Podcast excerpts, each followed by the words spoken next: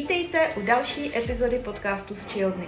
U mikrofonu vás zdraví Jana Davidová Glogarová a Kristýna Kovářová. V dnešním díle si budeme povídat s lingvistkou, vědeckou pracovnicí a současné době i vedoucí oddělení jazykové kultury Ústavu pro jazyk český Akademie věd České republiky, doktorkou Veronikou Štěpánovou. Ta se zabývá ortoepí nebo jazykovým poradenstvím. V roce 2019 pak vyšla monografie Vývoj kodifikace české výslovnosti. Veroniko, vítáme tě v našem podcastu a zároveň děkujeme za to, že si nás přivítala u vás v ústavu. Já děkuji za pozvání a všechny zdravím. Veroniko, ty jsi už v magisterském studiu studovala český jazyk a literaturu společně s fonetikou, což není úplně ta nejběžnější kombinace. Mě by proto zajímalo, proč zrovna tato volba a jestli tě třeba ve výběru školy nějak ovlivnilo to, že i tvoje maminka je lingvistkou? A nebo to bylo úplně jinak? No, je pravda, že tato volba není úplně nejobvyklejší. Už jenom proto, že vlastně studovat takzvaně čistou fonetiku, nikoli příbuzný, velmi blízký obor lingvistika, fonetika, dřív ani nešlo, protože ten obor byl eh, založen někdy asi dva roky předtím, nebo rok předtím, než jsem vůbec přišla na fakultu. Předtím tedy eh, se dala studovat ta lingvistika, fonetika, což nebylo úplně tolik speciální jenom na tu fonetiku. E, a e, potom to není běžné, nebo nebylo ani v té době běžné, protože jsem ku příkladu, když jsem nastupovala, tak jsem byla sama v ročníku. Čili veškeré takové případy, kdy se něco řešilo se studijním oddělením, ohledně zápisu předmětů, tak to probíhalo, takže se mě vždycky zeptali, a jak je možné, že si na to stěžujete jenom vy, že tento problém máte jenom vy. A já jsem odpovídala, no, protože jsem sama v ročníku. A což byla taková ale docela příjemná změna oproti tomu, že vlastně na tu češtinu nás nastupovalo v té době do prváku asi 150, pak se to samozřejmě velmi zredukovalo, ale byl to takový ten větší obor.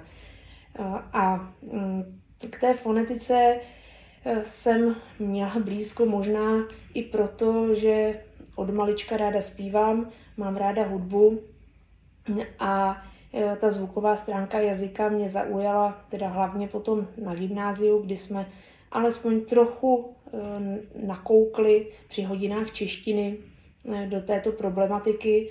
Mě to tedy velmi zaujalo a už to tak nějak se se mnou vezlo i dále. Pokud jde o moji maminku, tak ta na to měla vliv spíš nepřímý. Samozřejmě, že hm, jisté ovlivnění tím rodinným prostředím tam bylo, ale řekla bych, že na to klidně mohl mít vliv i můj táta, protože ten je, nebo byl taky vědecký pracovník, taky v Akademii věd, ale v, je to přírodovědec.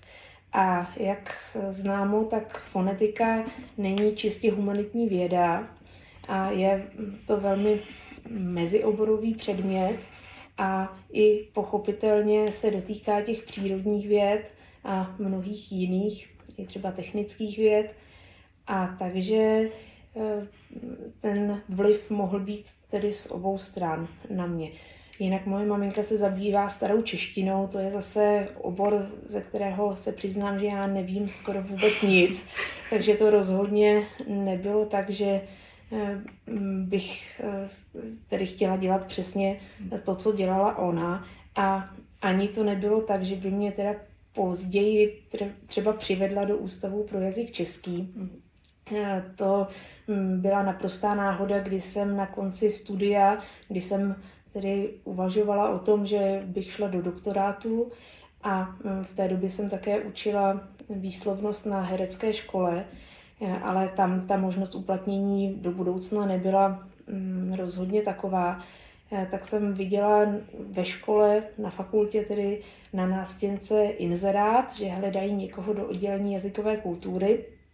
No tak jsem si říkala, no tak proč to nevyzkoušet, zkusíme, uvidíme, jestli mě vůbec vezmou a tak dále. Maminka o tom vůbec nevěděla, že se něco takového vypisuje a tady ten vliv tedy opravdu nebyl a nevím, jestli byla úplně eh, ze začátku nadšená, že se hlásím na to stejné pracoviště, kde ona celý život působí. Ty jsi mluvila o tom, že hm, jsi měla a předpokládám, že stále máš ráda hudbu. To je zajímavé téma, protože v jednom z rozhovorů profesor Šrámek eh, právě o tom propojení určitém eh, fonetiky s muzikologií dokonce mluvil. A souhlasíš s tím, že je potřeba mít na fonetiku uši? Uši určitě ano. Bez uší by se to dělalo poměrně špatně. Hmm. Eh, ale nejsem si jistá, jestli je třeba nutné mít úplně hudební sluch. Mm-hmm. Je to možná je to určitá výhoda. Ani nevím o tom, že by někdo vyloženě nějak solidně zkoumal eh, to, zda lidé třeba, kteří mají dobrý hudební sluch nebo dokonce třeba absolutní hudební sluch, takže by byli lepšími fonetiky. Eh, já si myslím, že si může to být, nemusí to být, tam hlavně jde o to, tedy samozřejmě nemít nějakou hm, fatální řeč, sluchovou vadu, ale Mm, jde hlavně jako ve všem prostě o trénink mm-hmm. a o ten zájem, o ten obor. Takže mezi fonetiky si myslím, že je možná větší procento hudebníků nebo třeba aktivních hudebníků než mezi bohemisty nebo vůbec lingvisty. To možná ano, aspoň teda moje zkušenosti jsou takové, zase na druhou stranu ono těch fonetiků je docela málo, takže můj vzorek rozhodně nebude reprezentativní statisticky ale eh, rozhodně zase ne každý fonetik musí být nějaký hudební nadšenec nebo aktivní hudebník. To asi není úplně vždycky nutné. Fonetika jako taková eh, bývá pro studenty často složitá, vím to, protože ji sama učím. Eh, mohla bys nám říct, co tě na té fonetice baví nejvíce? Nejvíce asi ta mezioborovost, to, že můžu nahlédnout vlastně nejen do těch humanitních věd, nejen do té jazykovědy, ale i právě mm, do těch věd přírodních, určitým e, způsobem i technických e, a tak dále. E, je to obor samozřejmě značně široký a mm, určitě i náročný, ale to zase jako kterýkoliv obor, který se dělá pořádně, tak je samozřejmě náročný. To mm-hmm. rozhodně nechci říct, že by to bylo náročnější než nějaké mm, jiné obory, ale hm, co mě, co mě na tom ještě zaujalo, no možná, možná i to, e, že je že se tím právě nezabývá za stolik lidí. Mm-hmm. A um, protože si myslím, že zvuková stránka jazyka je minimálně stejně důležitá jako uh, ta grafická stránka, ale mm-hmm. té pozornosti věnované této stránce jazyka prostě není tolik. A mně to přijde škoda a přijde mi to vlastně i dost nespravedlivé, mm-hmm. nefér a myslím si, že eh, bychom se tím měli zabývat víc a víc to brát i v potaz třeba při hodnocení různých jevů jazykových a tak dále. Mm-hmm. Já bych se ještě vrátila k tvému studiu. Mě zaujalo hlavně to, že jsi říkala, že jsi vlastně byla sama. Ono eh, často mnoha studentům pomáhá to, když můžou společně některé věci konzultovat, společně si domlouvají plán učení, všeho možného. Jak se ti studovalo bez opory třeba v ostatních? Tak já jsem byla sama oficiálně v ročníku. Hmm. Potom e, vlastně někdy v průběhu prváku ještě ke mně přibyla kolegyně, která už na fakultě byla, ale studovala jiný obor a vlastně tu fonetiku si nějak mezioborově přibrala, takže mám ten pocit, že oficiálně jsme dokonce teda potom už byli v tom ročníku dvě, mm. ale ona už některé předměty měla absolvováno z dřívější doby, takže ne vždycky jsme chodili spolu, ale dost těch předmětů, které jsem absolvovala, tak byly dohromady právě s tou lingvistikou, fonetikou nebo i s nějakými dalšími obory. Případně to byly předměty na jiných katedrách mm. pro studenty těch jiných kateder, třeba um, různé, um, jsme měli i um, jaksi takové jazyky eh, nebo jejich strukturu jenom poznat vlastně pro nás exotických takže mm, třeba jsem měla dva semestry čínštiny, ale čínsky neumím ani slovo, tady, tam šlo o to vyloženě poznat nějakou strukturu úplně odlišného jazyka, než je tedy jazyk indoevropský a potom třeba baskičtinu jsme měli. Eh, což, což bylo velmi půvabné. A tam jsem pochopitelně sama nechodila, tam bylo spoustu lidí z jiných oborů. Ale je pravda, že se stávalo, že určité předměty jsem prostě sama měla a mít musela, protože zase mm, na ně navazovalo něco dalšího, takže jsem nemohla čekat, až těch pár lidí, co bylo v ročníku pode mnou, mě vlastně dohoní a vemem si to spolu. Eh, takže tam eh, mám jeden Eh, takový pěkný, pěknou vzpomínku na předmět, který vlastně vyučovali dva vyučující a tady ti se samozřejmě střídali, jenom na první hodině byli dva a já jsem tam byla sama, což se asi hned tak nestane, že by na jednoho studenta připadli dva učitelé a pochopitelně první, co jsme udělali, bylo, že jsme si vyměnili telefonní čísla, protože jak si, když by někdo z nás chyběl, tak mm-hmm. by potom nemělo nejmenší smysl, aby ten druhý eh, na tu fakultu v tu dobu chodil. Eh, takže to, to pochopitelně bylo, bylo trošku jiné než na těch jiných předmětech. Na druhou stranu to opravdu vyžadovalo z mé strany velmi kvalitní přípravu, protože tam se člověk za nikoho jiného pochopitelně neschová, když je tam sám. A hned se projeví, jestli eh, jsem daný úkol udělala nebo ne, jestli eh, si pamatuju, co se probíralo minule, nebo ne. A, ale ty hodiny mm, byly velmi přínosné, bylo to velmi příjemné díky tedy taky osobnostem těch vyučujících a mm, myslím si, že jsem si z nich odnesla naprosté maximum. A e, byl to vlastně i případ e, předmětu, který dá se říct, že to byla i ortoepie a trošku to bylo širší, ale je to vlastně bylo, je to to, co, čím se zabývám dodnes. Takže je možné, že i tato náhoda mě vlastně předurčila mé budoucí směřování. Ono vlastně ten luxus toho individuálního přístupu potom nabízí mnohem intenzivnější výcvik, než když je ve skupině třeba 20 lidí. Mluvila si o osobnostech, o asi pedagozích, kteří ti nějak eh, ovlivnili.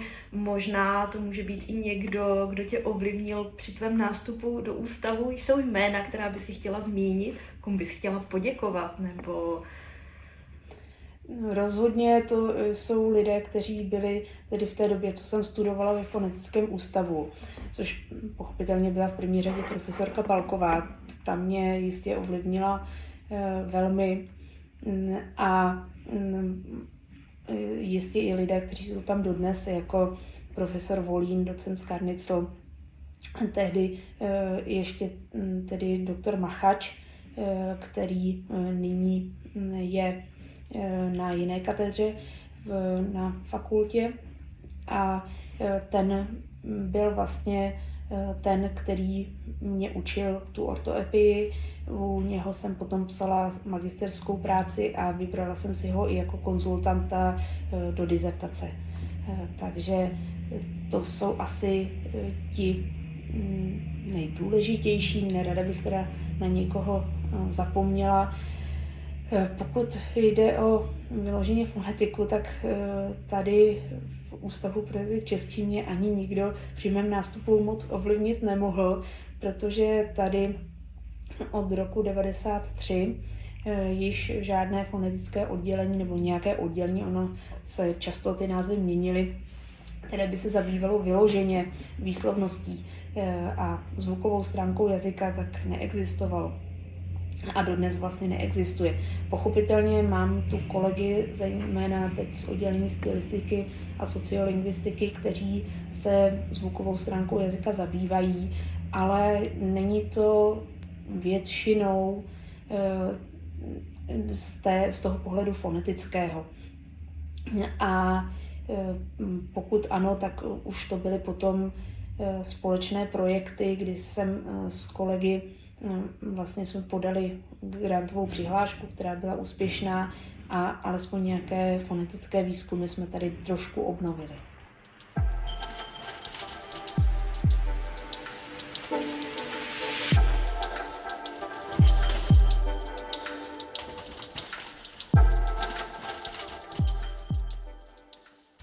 Ty jsi zmiňovala ortoepii, zmiňovala si taky to, že jsi pracovala jako lektorka ortoepie na herecké škole. Já bych u toho ještě chvilinku zůstala.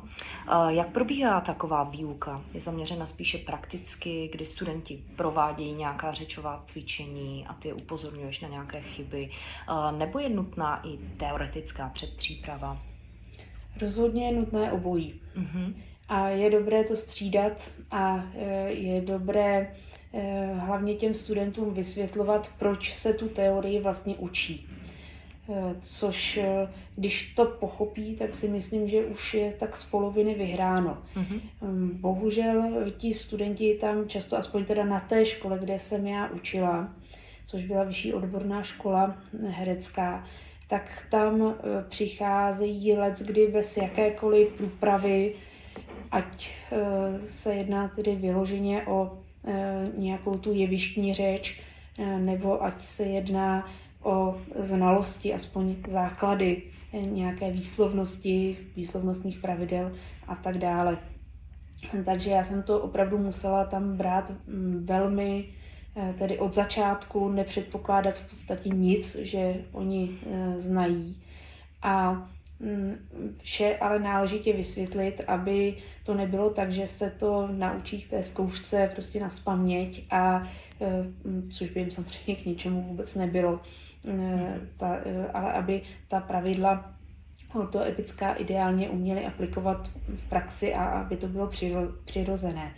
Takže pochopitelně musela jsem jim ta pravidla vysvětlovat, to tím, mm-hmm. jak si se nedalo nic jiného dělat. Už jenom to je mm, vlastně na to, jak, jak vlastně mluví, upozornit mm, a každého zvlášť analyzovat, protože mm-hmm. to je samozřejmě i potom, že se vracím k tomu, jak je výhodná individuální výuka, no tak eh, pokud eh, učíme výslovnost, eh, a neučíme nějakou zborovou recitaci zrovna nebo něco takového, tak to se prostě musí dělat individuálně, to jinak nejde. A. Čímž pádem je to samozřejmě časově i jinak daleko náročnější, než když hm, tamhle paní učitelka ve škole zadá písemný diktát. Takže není divu, že v těch školách se té zvukové stránce jazyka i z tohoto důvodu, a nejen z tohoto důvodu, tolik eh, tedy péče a času nevěnuje. A eh, takže já jsem eh, tedy jim samozřejmě musela vysvětlit, o co se vlastně vůbec bude jednat. Ehm, nejdřív vůbec na té první hodině jsem si každého z vás ještě nahrála, eh, analyzovala jsem je a ukázala jsem jim vlastně každému a ostatní pochopitelně měli eh, také k tomu říkat, co tam slyší, neslyší, jaké třeba ten dotyčný má i řečové vady, což by eh, možná lidé od studentů na herecké školy neočekávali, ale bohužel frekvence vad tam byla. Já jsem měla pocit, že je možná i vyšší než běžné populaci, ale to samozřejmě berte jako nadsázku. A mm, rozhodně tam teda nešli jenom lidé, kteří e, po této stránce na tom byli dobře, takže tam i potom, když to byla nějaká těžší řečová vada, která vedla vyloženě k nesrozumitelnosti mm-hmm. projevu, Eh, tak jsem jim doporučovala i navštívit eh, specialisty, protože já nejsem logoped, to si mhm. lidé často pletou, že si myslí, že odborník na fonetiku je zároveň logoped a odnaučí je mm, mm, vlastně nebo naučí je i po této stránce dobře vyslovovat. To, eh, může to tak být. Znám fonetiky, kteří jsou zároveň logopedy, ale běžné to není nebo není to rozhodně pravidlem. Uh-huh. Jaký byli herci studenti? Připadalo jim to zbytečné, nebo to naopak vítali? Jak se ti s nimi spolupracovalo? Eh, je opravdu jak kteří. Uh-huh. Mám zkušenost, že ti, kteří to opravdu chtěli dělat a byli i dobří třeba v jiných předmětech, eh, tak ti si to moc dobře uvědomovali a snažili se. Uh-huh.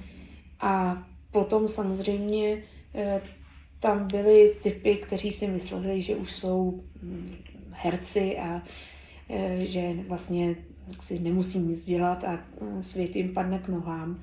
tak s těmi to bylo horší a potom samozřejmě byla skupina lidí, kteří ani nevím, proč třeba na tu školu chodili, případně to bylo z nějakého takového důvodu nebo z nějaké takové představy, že jim přišlo prostě strašně fajn si být známou herečkou nebo známým mm. hercem. Mysleli si, že je to jako jednoduché, že přijdou někam na jeviště a teď eh, jako odříkají text a eh, jak si budou slavní a vydělají si spoustu peněz a já nevím, co všechno. A ta realita je možná velmi překvapila v tomhle. Tak eh, s těmi samozřejmě ta mm, spolupráce taky nebyla úplně vždycky snadná. Mm-hmm. Ty už jsi zmiňovala logopedy, ty už jsi zmiňovala, že lidé si to často pletou. Mohla bys nám třeba říct, co mají tyhle disciplíny společného a co je naopak úplně jiné? Bys to jako nějak uvedla na pravou mm. míru třeba? Tak eh, řekla bych, že mm, fonetik je hlavně člověk, který je primárně vědec a zabývá se opravdu zvukovou stránkou jazyka v celé eh, jeho šíři. Mhm. Když to logoped je většinou praktik, samozřejmě i jistě je nějaká teorie logopedie a tak dále, ale eh, většinou jsou to opravdu ti lidé, kteří pracují s těmi lidmi v praxi a hlavně se zaměřují pouze na část fonetiky, která se jmenuje ortofonie. Mm-hmm. A to je vlastně je to i část ortoepie. Mm-hmm. Ortoepie je daleko širší než ortofonie, což ortofonie je tedy eh, ta náležitá nebo správná výslovnost jednotlivých hlásek. Mm-hmm. Co jsou třeba nejčastější výslovnostní prohře, prohřešky, s nimi se setkáváš, nebo se setkala třeba při té výuce na té herecké škole? Nejčastější. No, prohřešky.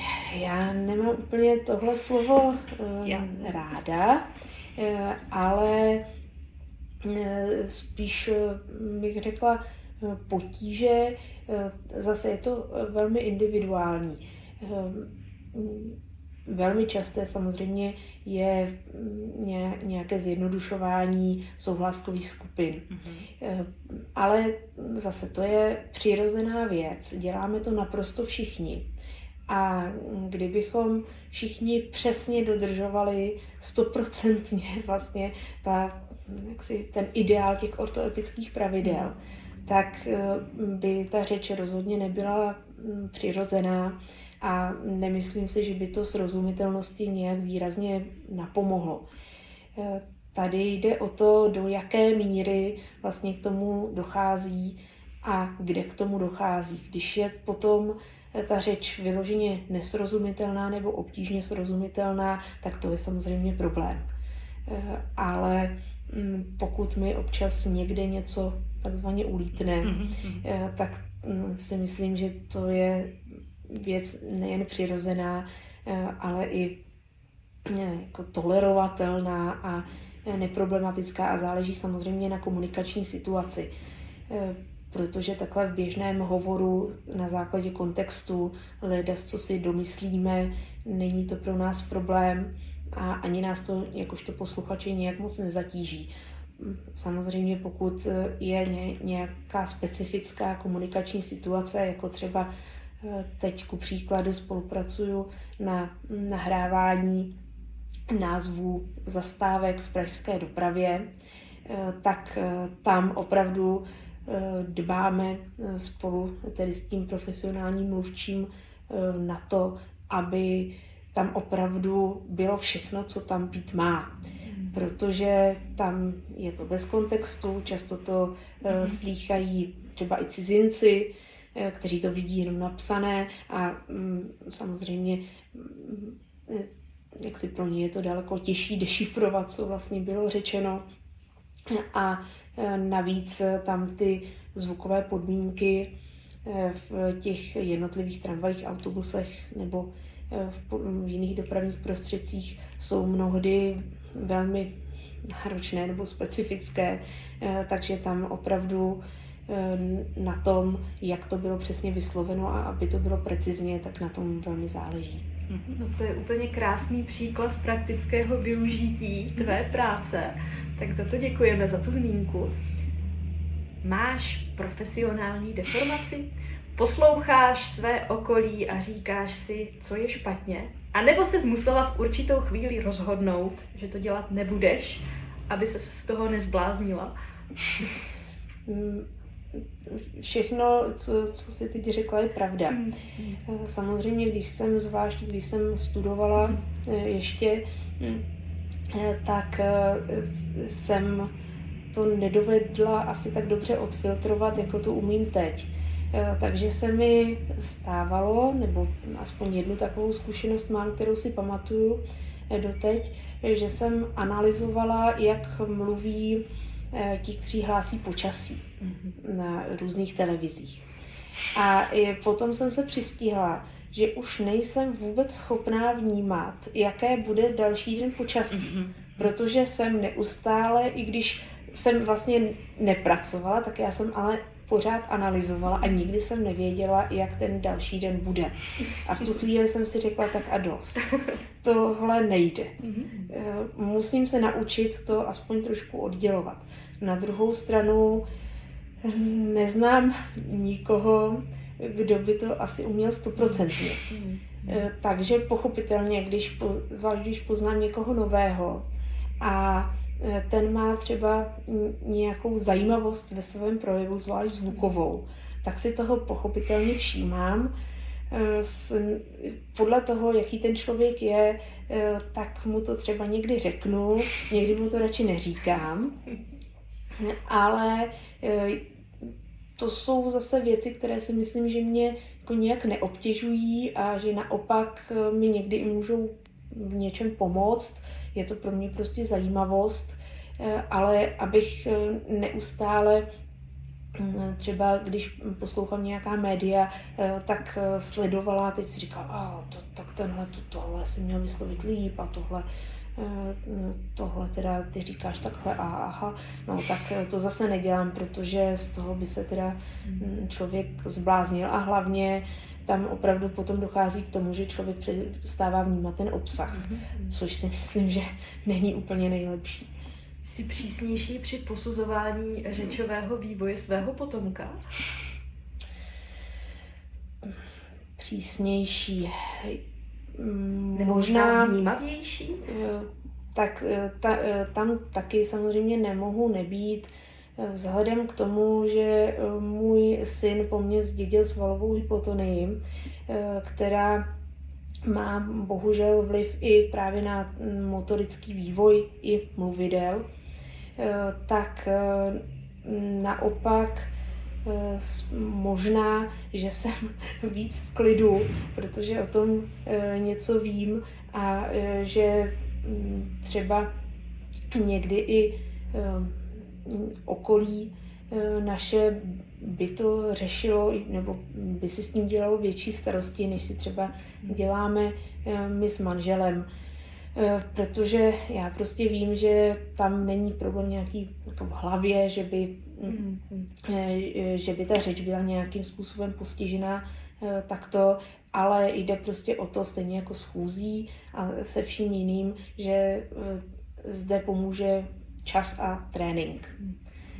Takže zrovna teď si myslím, že Krištof, kterému je nyní pět a půl, tak udělal velký pokrok a hlavně se snažím, abych mu tu logopedii neznechutila.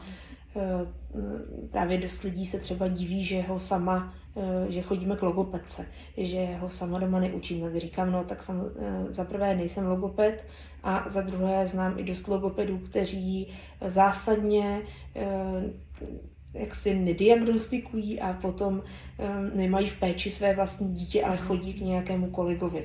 Ono je to i lepší prostě z těch didaktických důvodů. Mám s tím i osobně teda do, velmi dobrou zkušenost, protože máme skvělou logopedku a uh, snažím se, aby, se, aby si to sen prostě neznechutil, aby měl chuť mluvit a um, i vlastně, aby to vnímal pozitivně a dovedl se i ocenit, když mu něco jde a tím se vlastně motivoval, což se naštěstí daří, takže teď už třeba zvládl bez problémů R a i ho používá správně, je teda více kmitné, zrovna aktuálně, než by úplně uh, mohlo nebo mělo být, nebo než je přirozené, ale to je úplně normální a to se spravíš samo, takže rozhodně Eh, mu neříkám eh, něco v tom smyslu, máš mnoho kmitné R, měl bys si to opravit. A to je, myslím, jedna z věcí, kterou by jiný rodič asi těžko poznal, že tam něco víc kmitlo.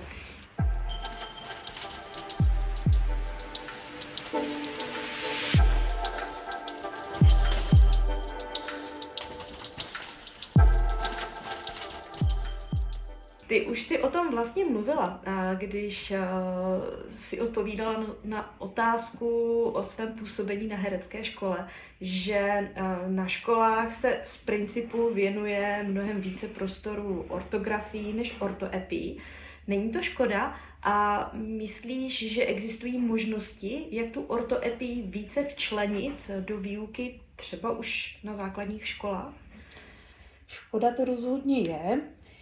A mm, samozřejmě, ale na druhou stranu musím uznat, že je to prostě mnohem náročnější v mnoha ohledech.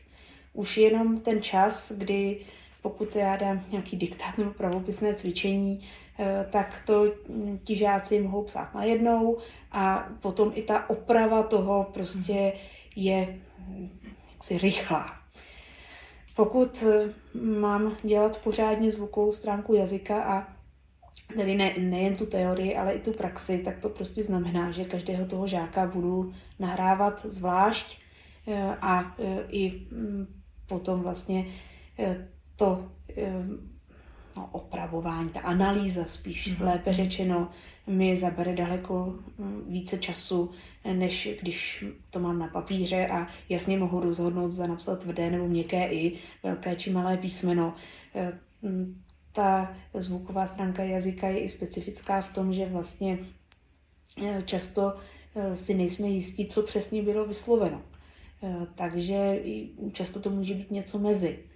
A což v tom pravopise, pokud samozřejmě odhlédneme od takových těch legračních pokusů, jako napsat Y s tečkou, co jsme všichni, když jsme nevěděli, tak jsme napsali něco mezi, nebo takové malé velké písmeno, tak ale to pochopitelně není, není normální, když to v té řeči, tak tam někdy je opravdu velmi složité určit, zda tato, třeba tento konsonantický zhluk ještě mm, je v pořádku, eh, nebo jestli už vlastně je tam toho tak málo, že už je to nesrozumitelné eh, a tak dále, jestli tohle je opravdu zkráceno příliš mnoho, že by to mohlo třeba působit nářečně nebo mohlo vadit nějakým posluchačům, nějaká sam, třeba samohláska, anebo jestli je to ještě jako v normě a vlastně ničemu to nevadí. Takže je to specifické, no na druhou stranu si myslím, že je to tak zajímavé, že by tomu rozhodně pozornost měla být věnována a hlavně alespoň vysvětlit žákům to, jaké jsou vlastně rozdíly mezi tou zvukovou a mezi tou grafickou stránkou mhm, jazyka. Mm-hmm. Protože s tím se tedy i v jazykové poradně často setkáváme, že se třeba lidé chtějí zeptat na výslovnost, ale nevědí, jak to zapsat. Mm-hmm.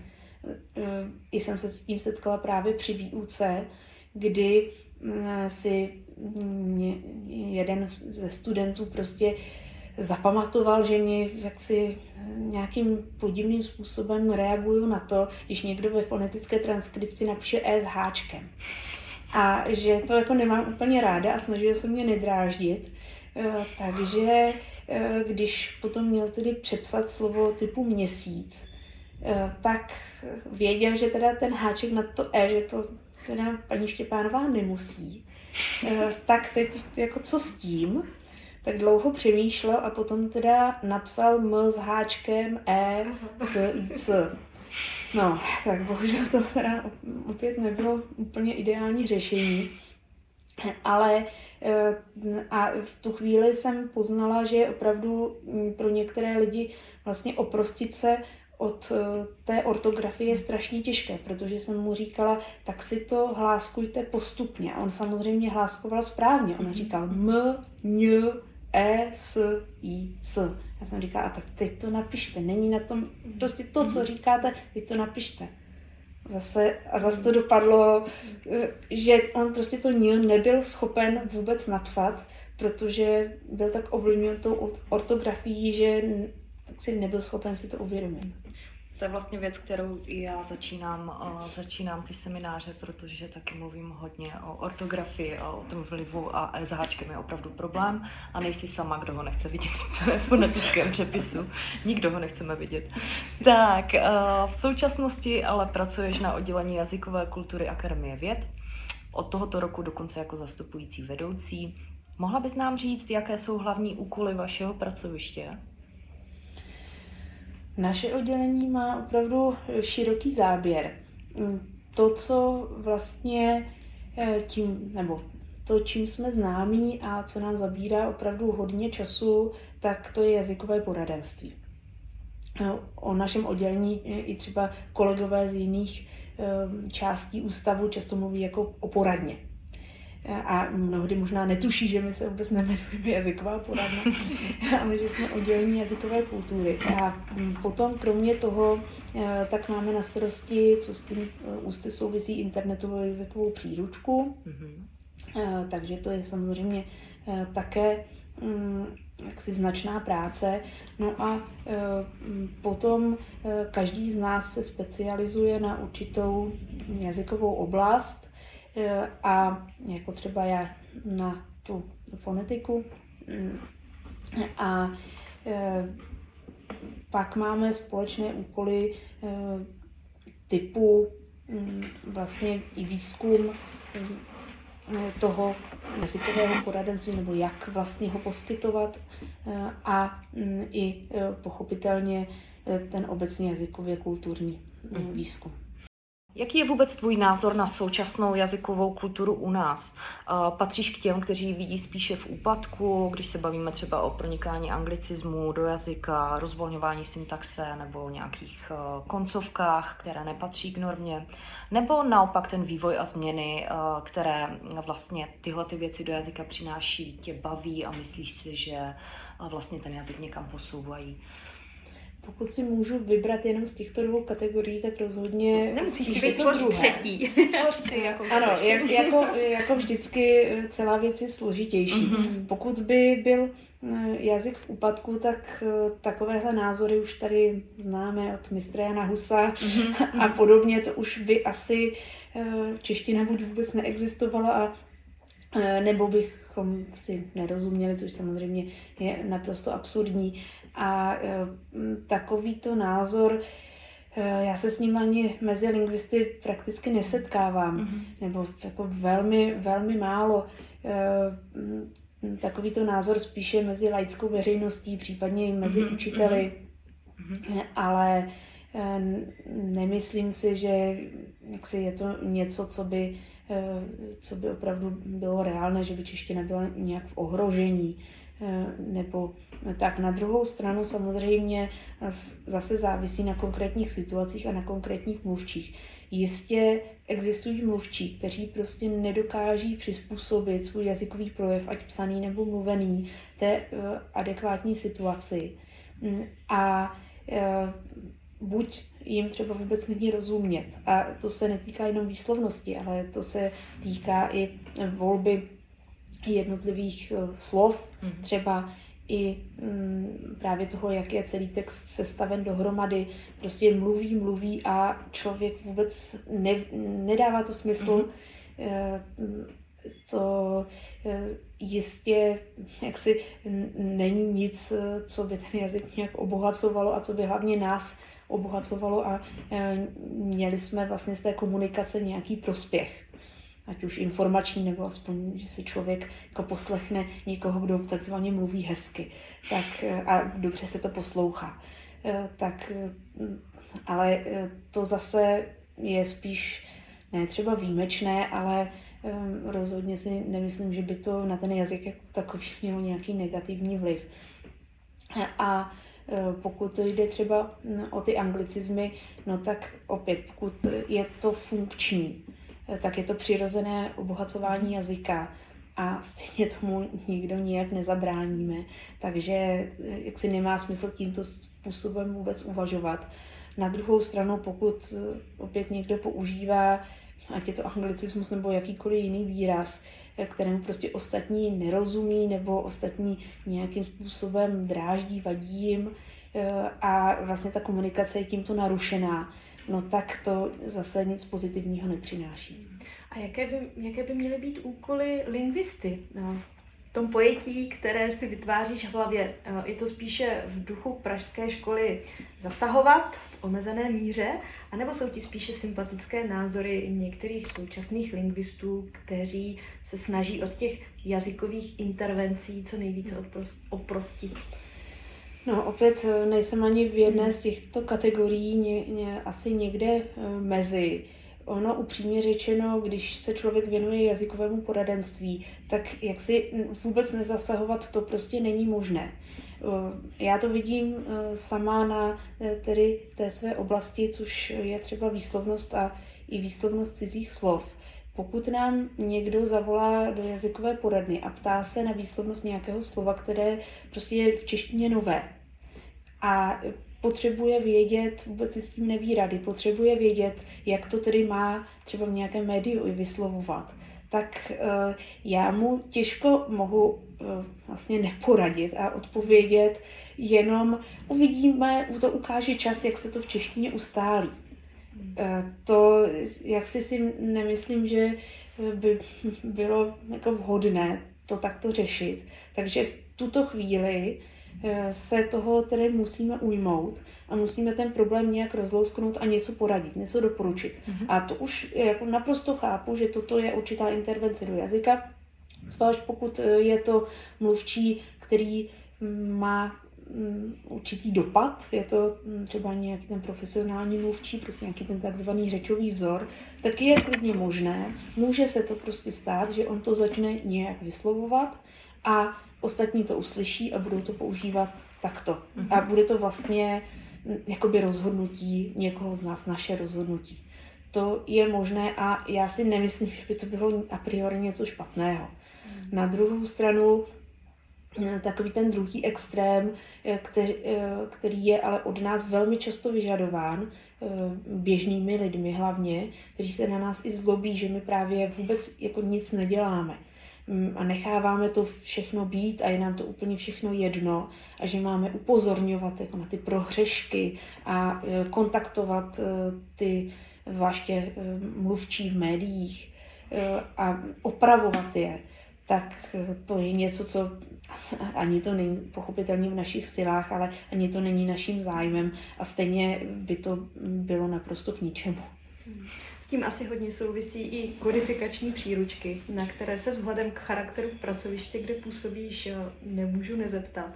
Takže eh, si předpokládám zastáncem zachování kodifikačních příruček, a nebo zase je ti sympatické možnosti jejich postupného nahrazování pouze deskriptivními příručkami. Já moc nevěřím na to, že kodifikační příručku lze nahradit pouze deskriptivní příručkou to mm, já si myslím, že většina uživatelů nějakých takovýchhle zdrojů mm, k tomu přistupuje tak, že prostě takzvaně co je psáno, to je dáno. A ať mi tam červeným písmem eh, velkým tiskacím nahoře napíšeme, že toto je pouhý popis, toto není žádné jako doporučení a už vůbec ne příkaz, tak ti lidé to stejně podle teda své vlastní nátury budou buď brát jako doporučení nebo jako vyloženě příkaz. E, to je jedna věc. A e, druhá věc je, že pokud se nám podaří opravdu dobře proskoumat jazykovou normu, tak upřímně řečeno, proč bychom, ne tedy příkazy, ale proč bychom určitá doporučení neměli dávat. A ta doporučení jsou prostě v tom stylu, že pokud máme nějakou komunikační situaci a tam použijeme nějaké slovo nebo nějaký tvar, tak velmi pravděpodobně to bude ostatními uživateli jazyka buď bráno jaksi zcela neutrálně, normálně, pozitivně, prostě nevzbudí to nějaký podiv, anebo to naopak třeba vzbudí údiv nebo i odpor a tak dále, protože to nebude adekvátní té normě, kterou všichni máme nějakým způsobem v sobě. A to si myslím, že jak si jeden z úkolů lingvistů toto lidem radit a tak to jim doporučovat, jak vlastně efektivně komunikovat v určitých situacích.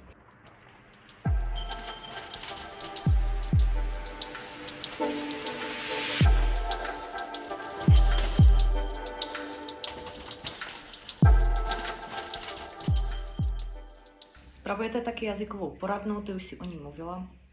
Tam se můžou vlastně uživatelé jazyka na vás obrátit s nějakými dotazy. Mohla bys nám říct, na co se nejčastěji ptají, jestli je to třeba pravopis, nebo jsou to nějaké morfologické problémy, nebo ta zvuková stránka? Ano, tak zvuková stránka jazyka to rozhodně není. Eh, těch eh, dotazů vyloženě, které by spadaly do toho mého eh, oboru mm-hmm. fonetického, tak těch je přibližně 1% až 2%. Takže mm, velmi málo. Zase ty důvody jsou jasné, e, většinou nebo často se na nás obracejí třeba korektoři nebo lidé pracující s tištěným slovem. E, takže ti nemají mnoho důvodů se na toto ptát a ti, kteří pracují s mluveným slovem, tak často je to třeba ani nenapadné. Mm-hmm. A Mm, nebo to nepovažují za, až za tak důležité. Zase eh, ta, eh, ta výslovnost není prostě nějak tak pevně fixována vlastně, eh, jako je mm, to, co napíšu. Takže i mm, lidé se dá říct, že k tomu přistupují trošku jinak. No, nejvíc dotazů je určitě z oblasti eh, pravopisu a z oblasti morfologie. Mm-hmm. I eh, potom pochopitelně syntax, eh, to s tím všechno souvisí, protože to je hlavně psaní čárek. Mm-hmm. Takže mhm. to se řadí teda tradičně třeba do pravopisu, mm-hmm. ale velmi často jsou to prostě problémy syntaktické mm-hmm. ve své podstatě. No a pokud jde o mm, kromě interpunkce o další pravopisnou oblast, Eh, tak eh, to je určitě psaní velkých písmen, který, mm-hmm. Jsou Češi jako asi hlavně učitelé prostě do značné míry fascinováni. My, to, my jsme na to zvyklí, ale mm, jak si nevidíme to upřímně řečeno úplně rádi, protože se velmi často stává, že jsou třeba ve školách po žácích vyžadovány z hlediska velkých písmen Eh, věci, eh, které jsou vlastně ve své podstatě strašně složité. Třeba to ani mhm. není pořádně nikde kodifikováno a popsáno. Vyžadují velmi speciální věcné znalosti a přesto to e, ti chudáci dostanou do diktátu. Je na tom bazírováno daleko víc, než vlastně je, ta, mm, je nutno. E, protože opravdu mm, jak si z velké části na tom, zda napíšu malé či velké písmeno, srozumitelnost té věty nebo celého textu opravdu nestojí. Mm-hmm. A důležité jsou daleko, e, daleko důležitější jsou prostě jiné věci a kvality toho textu, ale ne každý je ochoten na to přistoupit a zrovna dneska, když jsem sloužila v jazykové poradně, tak mi bylo poměrně úzko, protože volala jedna maminka, že její syn přinesl pětku ze školy z diktátu na velká písmena a e, teď, mi, e, teď se ptala tedy na jevy, co mu tam bylo opraveno mm-hmm. a bohužel, e, jak si vypadá to nepravděpodobně, ale bohužel se musela konstatovat, že on měl všechno správně. Mm-hmm. Případně v jednom případě tedy bych i brala, že je možná dubleta. Mm-hmm. Ale prostě bylo mu to ještě ke všemu opraveno chybně, což opravdu už potom jako člověku zůstává rozum stát těch eh, možností, kdy si dohledat informace eh, opravdu za poslední léta přibylo mnoho. Je to znát na snižující se frekvenci těch dotazů? Myslím si, že ano. My jsme původně vlastně poskytovali tu službu telefonickou, jazykově poradenskou čtyři hodiny za den. A nyní jsme tu odpolední služby a vlastně fungujeme ten každý všední den od 10 do 12. A myslím si, že to stačí. Samozřejmě jsou lidé, kteří když se nedovolí na poprvé nebo na podruhé, tak už nervózně píšou, že se na linku nedá dovolat. Mm-hmm. A e, někdo zase naopak mývá štěstí, dovolá se na poprvé. Samozřejmě to souvisí s tím, zda zrovna nejen zda zrovna volá hodně lidí, ale i e, zda e, ty dotazy jsou prostě krátké, jednoduché mm, a ten hovor trvá pár sekund, nebo minutu třeba, a nebo zda se na nás někdo opravdu důkladně připraví, třeba to je mm, typicky situace s korektory, kdy mají třeba těch dotazů 20 na jedno. Mm-hmm, a uh, takže ten hovor pochopitelně potom odpovídá svou délkou uh, počtu těch dotazů a Potom se stává, že opravdu někdo zavolá s něčím, Eh, co je opravdu složité, hm, těžko se na to odpovídá, nikde to ještě popsáno není. Takže musíme buď provádět rychlou rešerši, nebo se jít radit s kolegy, pokud jsou přítomni. Eh, takže to samozřejmě také hm, zabere hm, více času. Máte i pravidelné tatele? Jistě máme pravidelné tazatele, ano. A jsou to třeba právě korektoři, kteří prostě využívají vašich služeb při své práci anebo lidé, kteří si potřebují popovídat o něčem, co je zajímá? Obojí. Určitě obojí. Eh, my už je pochopitelně často známe, eh, takže eh, tam i mm, někdy dochází k tomu, že já třeba jednomu panu korektorovi, zvlášť když se mě zeptá na něco ze syntaxe, což je jaksi oblast, která, ve které si nejsem často jistá, Eh, tak a on se na, i na ty dotazy eh, jak si velmi připravuje, on opravdu nevolá se zbytečnými dotazy, to vůbec ne, a je to často jaksi dost těžko řešitelná věc, eh, takže já mu často, často říkám, že o tom ví asi tak stokrát víc než já, a protože už, už se právě známe, on zná třeba můj nějaké texty, takže ale to, to je oboustranně příjemná komunikace. Potom eh, pochopitelně občas jsou to třeba nějací starší lidé, kteří si prostě potřebují popovídat, potřebují sdělit svůj názor, právě třeba názor na jazyk, se na úpadek mm-hmm. jazyka mm-hmm. a tak dále, ale řekla bych, že, eh, že už to možná mizí, eh, nebo mizí, ne možná úplně, ale je to méně často, než co mm, to bylo, když jsem tedy tady začínala. A Potom občas jsou to mm, lidé, kteří třeba mají i mm, nějaký, řekněme, psychický problém a mm, v určitou e, v určitý časový úsek nám třeba volají opakovaně a mm, to jsou hovory, které tedy nejsou úplně příjemné, ale řekla bych, že jich není mnoho. A jsou ty dotazy někdy i originální nebo vtipné? A nebo mám o tom úplně zkreslenou představu. Protože si říkám, když už to děláte tak dlouho, tak něco takového se musí zákonitě objevit. Jsou, rozhodně se setkáváme s eh, dotazy, nad kterými se zasmějeme, a, nebo které nám připadají opravdu originální. Eh, často to jsou takové dotazy, které k nám vlastně vůbec nepatří. Mm-hmm. Že mm, opravdu mm, nás často překvapí, co všechno si lidé myslí, že je jazykový dotaz eh, a s čím vším volají do Ústavu pro jazyk český.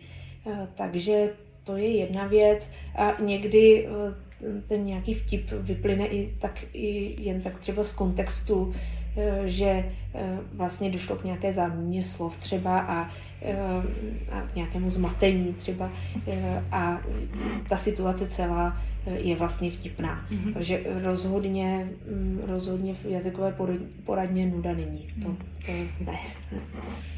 My ještě u toho zůstaneme. Jak často se ti stává, že ti někdo zaskočí svým dotazem a nejsi si vůbec jistá a nevíš po případě kam saháš, abys... Mm-hmm. No, to si myslím, že tohle je velmi individuální a souvisí to s nějakým takovým obecným nastavením toho konkrétního člověka, který zrovna odpovídá. Já si ověřuju téměř vše. Mm-hmm.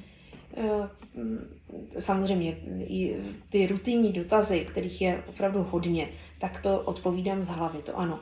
Ale potom jsou dotazy, eh, kde jsem si teda téměř jistá odpovědí, ale přece jen si to radši dohledám. Už jenom proto, že třeba vím, že v té internetové jazykové příručce byl takový pěkný příklad, teď si ho mhm. zrovna nemůžu vybavit a proto to dohledávám. Eh, takže, a abych to třeba vysvětlila opravdu hm, jaksi důkladně, tak eh, si to radši, radši dohledám.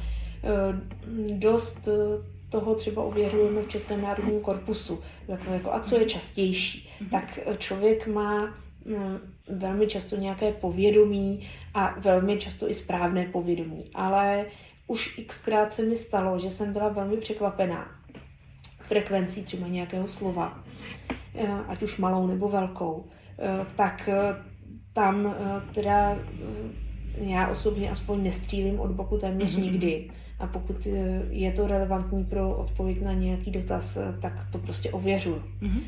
A eh, samozřejmě spoustu dotazů je takových, kde musím sahat do literatury.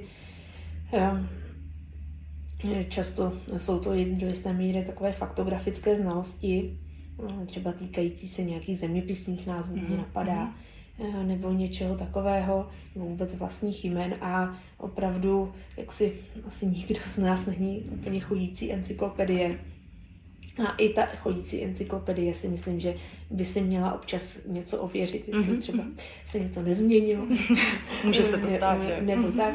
Eh, takže eh, pochopitelně ověřujeme velmi a mm, myslím si, že to je naprosto pořádku mm. a mhm. že to ti tazatelé i často očekávají. Mm. Mm. Jo. Snaží se vás někdy tazatelé přesvědčit o své pravdě? Hádají se s vámi, že oni mají pravdu a že vy ne? Ano, eh, zvlášť pokud tím samozřejmě nepotvrdíme to, co si sami myslí, mm-hmm. tak se to stává. Eh, zase záleží na povaze toho tazatele. Mm-hmm. Někdo eh, je schopen se s námi málem takzvaně do krve pohádat, mm-hmm. tak naštěstí je to přes telefon, takže eh, se neděje nic tak strašného. I to je nepříjemné. I to je nepříjemné. Setkal jsem se i s tím, že mi mm, nějaký tazatel opravdu vulgárně nadával opakovaně a nejen mě ale to je opravdu to je zcela výjimečné. Mm-hmm. Většinou jsou lidé milí, příjemní a e, jsou vděční za to, že jim někdo je ochoten poradit. Mm-hmm a že na ně nekřičí a e, že z nich nedělá takzvaně blbce, mm-hmm. že něco nevědí a měli by to z té školy vědět. Tak to my opravdu neděláme.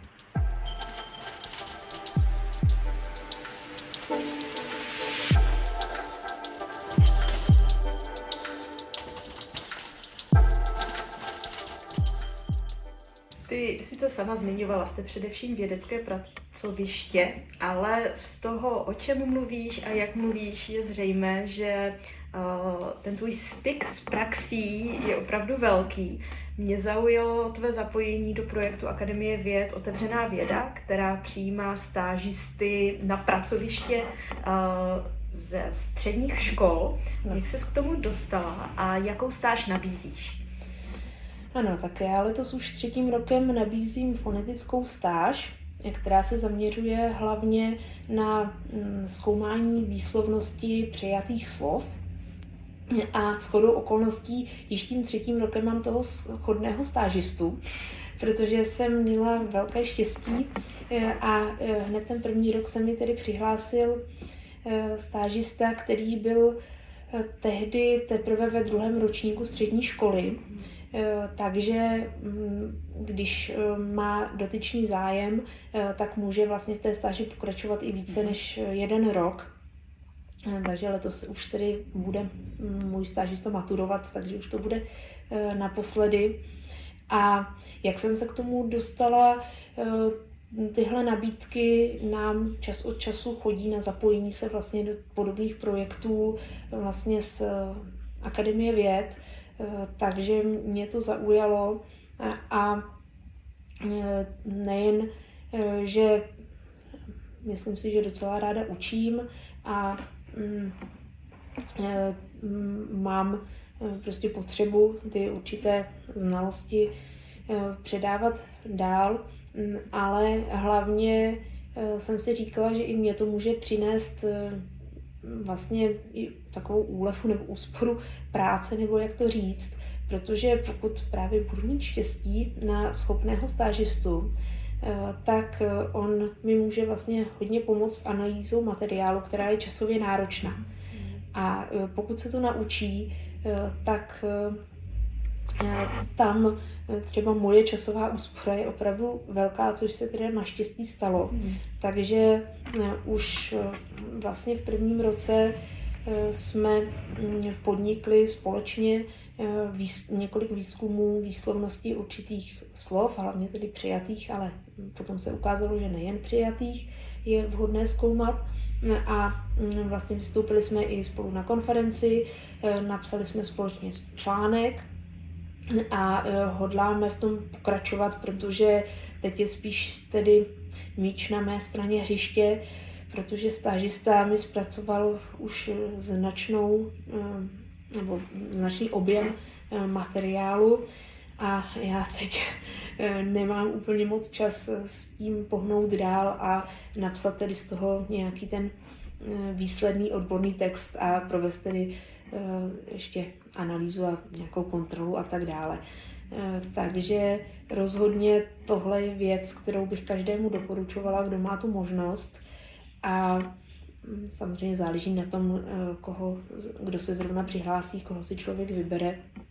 Ale myslím si, že většina eh, těch studentů, kteří už se přihlásí a projdou vlastně mm, tím procesem, kdy musí napsat nějaký motivační dopis a CV a podobně, tak že už jsou opravdu motivovaní natolik, že ta spolupráce si myslím, že většinou bude dobrá. Máš přehled o tom, jestli tvůj stážista bude další osamocený fonetik v ročníku? osamocený už by teď nebyl, teď už jsou ročníky daleko plnější, než to bylo za mě. Ale hm, můj stážista eh, chce eh, být hlavně učitelem, což, eh, což já podporuju, protože si myslím, že čím víc můžu ve školství, tím líp. Zvláště třeba na tom základním a středním školství. A eh, potom se zajímá hodně o živé jazyky, takže mm, by se chtěl ubírat eh, tímto směrem. A navíc ještě on má takového specifického koníčka, že vlastně kreslí komiksy a je v tom, eh, je v tom velmi dobrý, vyhrává různé soutěže, takže ideálně, eh, kdyby to mohl nějak propojit a vlastně i vystudovat něco jako komiks nebo mm-hmm. něco společného s grafikou, tak si myslím, že by byl na to velmi šikovný. On má i velmi dobré jaksi nápady na takové třeba kreslené, neřekla bych vtipy, ale prostě takové jako situační komiksy, právě si často hraje s jazykem a tak, takže si myslím, že by se i uplatnil jako nějaký kreativec nebo eh, něco, něco podobného. Takže opravdu myslím si, že eh, by mohl studovat ledasco. Eh, fonetiku teda také zvažoval, ale myslím si, že úplně e, tímhle směrem se nevydá, ale uvidíme, co si podá za přihlášky. Já, já se ho snažím do ničeho netlačit, spíš mu jenom tak jako otvírat a nabízet ty možnosti. Hmm. Veroniko, vzhledem k té velké šíři tvého pracovního záběru, na to vlastně vůbec zatím nedošlo. A to je tvá vědecká práce, což ale neznamená, že by uh, si byla o něco méně vědkyní, protože vědecká práce je určitě hlavní náplní tvého profesního působení. Tak teď, na, teď máš prostor popovídat nám o tom, na čem aktuálně pracuješ, případně co třeba do budoucna plánuješ. Moje hlavní vědecká náplň je a měla by tedy být opravdu mm, z oboru ortoepického e, a e, ráda e, bych přispěla vlastně k hlubšímu poznání toho, jak funguje vůbec výslovnost česká, eh, jak ji aktuálně popsat eh, a jak se i vyslovují třeba jednotlivá slova, hlavně ta adaptovaná z jiných jazyků. Takže to se snažím, pokud možno, což prostě teď vzhledem k různému pracovnímu vytížení jinému, na to mám bohužel daleko méně času, než bych chtěla, tak se ale snažím na tom pracovat a pochopitelně bylo by velmi dobré, pokud by v ústavu po mnoha desetiletích opět vzniklo něco, čemu říkáme teda ortoepická kodifikace. Eh, spíš bych to pojímala hm, jako určité doporučení a vlastně poznání té současné výslovnostní normy a doporučení těm, kteří eh, tedy hlavně vystupují veřejně a potřebují hm, opravdu eh, znát i hm, různá pravidla výslovnostní, eh, tak eh, něco tedy napsat v tomto ohledu aktuálního. Mhm. Ono je to vlastně logickým vyústěním toho, co si dělala v minulosti, kdy se zabývala vývojem této kodifikace. Přesně tak. Hmm. Akademie často pracuje i s univerzitním prostředím. Je to logické. Pracovníci z akademie nabízejí nějaké pedagogické, nějakou výuku, specializovaných výběrových seminářů. Co by tě lákalo Jaký ano. seminář? Eh, když jsem ještě studovala doktorát, tak jsem jednu chvíli eh, učila stylistiku. Uh-huh. Potom jsem zastupovala vlastně za kolegyni, která šla na mateřskou vyloženě ve fonetickém ústavu, uh-huh. kde jsem učila hlavně tedy ortoepii. A potom jsme s kolegou tady z našeho oddělení měli seminář o jazykové poradně, mm-hmm. o jazykovém mhm. poradenství. Potom jsem šla na mateřskou a e, teď e, v současnosti e, je vlastně asi ten zájem z fakulty, teda myslím teď Filozofickou fakultu mm-hmm. Univerzity Karlovy, o naše semináře menší, že většinou si i ty volitelné semináře zajišťují sami. Mm-hmm. A je něco, co by tě lákalo třeba, kromě té ortoepie? Mm, samozřejmě, to, to by mě eh, lákalo, ale eh, vlastně vzhledem k tomu, že je fonetický ústav eh, na fakultě, tak tam není problém, aby si to zajistili sami. Takže nevím, jestli někdy bude nějaká poptávka třeba něč, po něčem speciálnějším, mm-hmm. ale ty semináře z toho jazykového poradenství byly pro mě, teda, nebo pro nás, myslím, že můžu mluvit za oba, byly mm, pro nás příjemné i přínosné a mezi studenty byly velmi oblíbené. Takže pokud by byl zájem, tak si myslím, že bychom se nebránili něco podobného vypsat, eh, vypsat zase. Mm-hmm.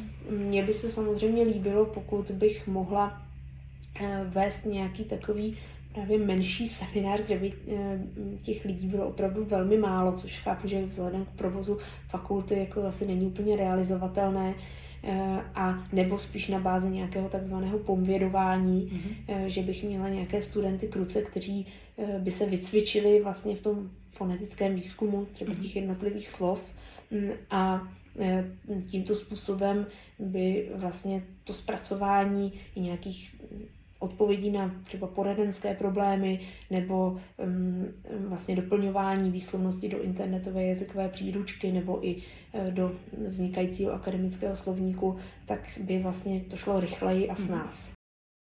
Já mám na závěr takovou trošku osobnější otázku, doufám, že se nebudeš zlobit. Tvůj manžel, který už v našem podcastu také byl, je rovněž lingvistou a věnuje se onomastice. Už jste realizovali nějaký společný výzkum? Lze nějak ty obory propojit? Přemýšleli jste nad ničím? Nebo už vám naopak společné chvíle jsou tak vzácné, že si jen chcete kazit vlastně tou prací? Tak nemyslím si, že by nám práce kazila společné chvíle. My pochopitelně se doma o práci bavíme. Mm-hmm. To asi aby ani nebylo normální, eh, kdybychom to nedělali. Na druhou stranu zase to není tak, že bychom se doma bavili pouze o práci. To by mm-hmm. asi nebyl úplně zdravý vztah. Eh, ale hm,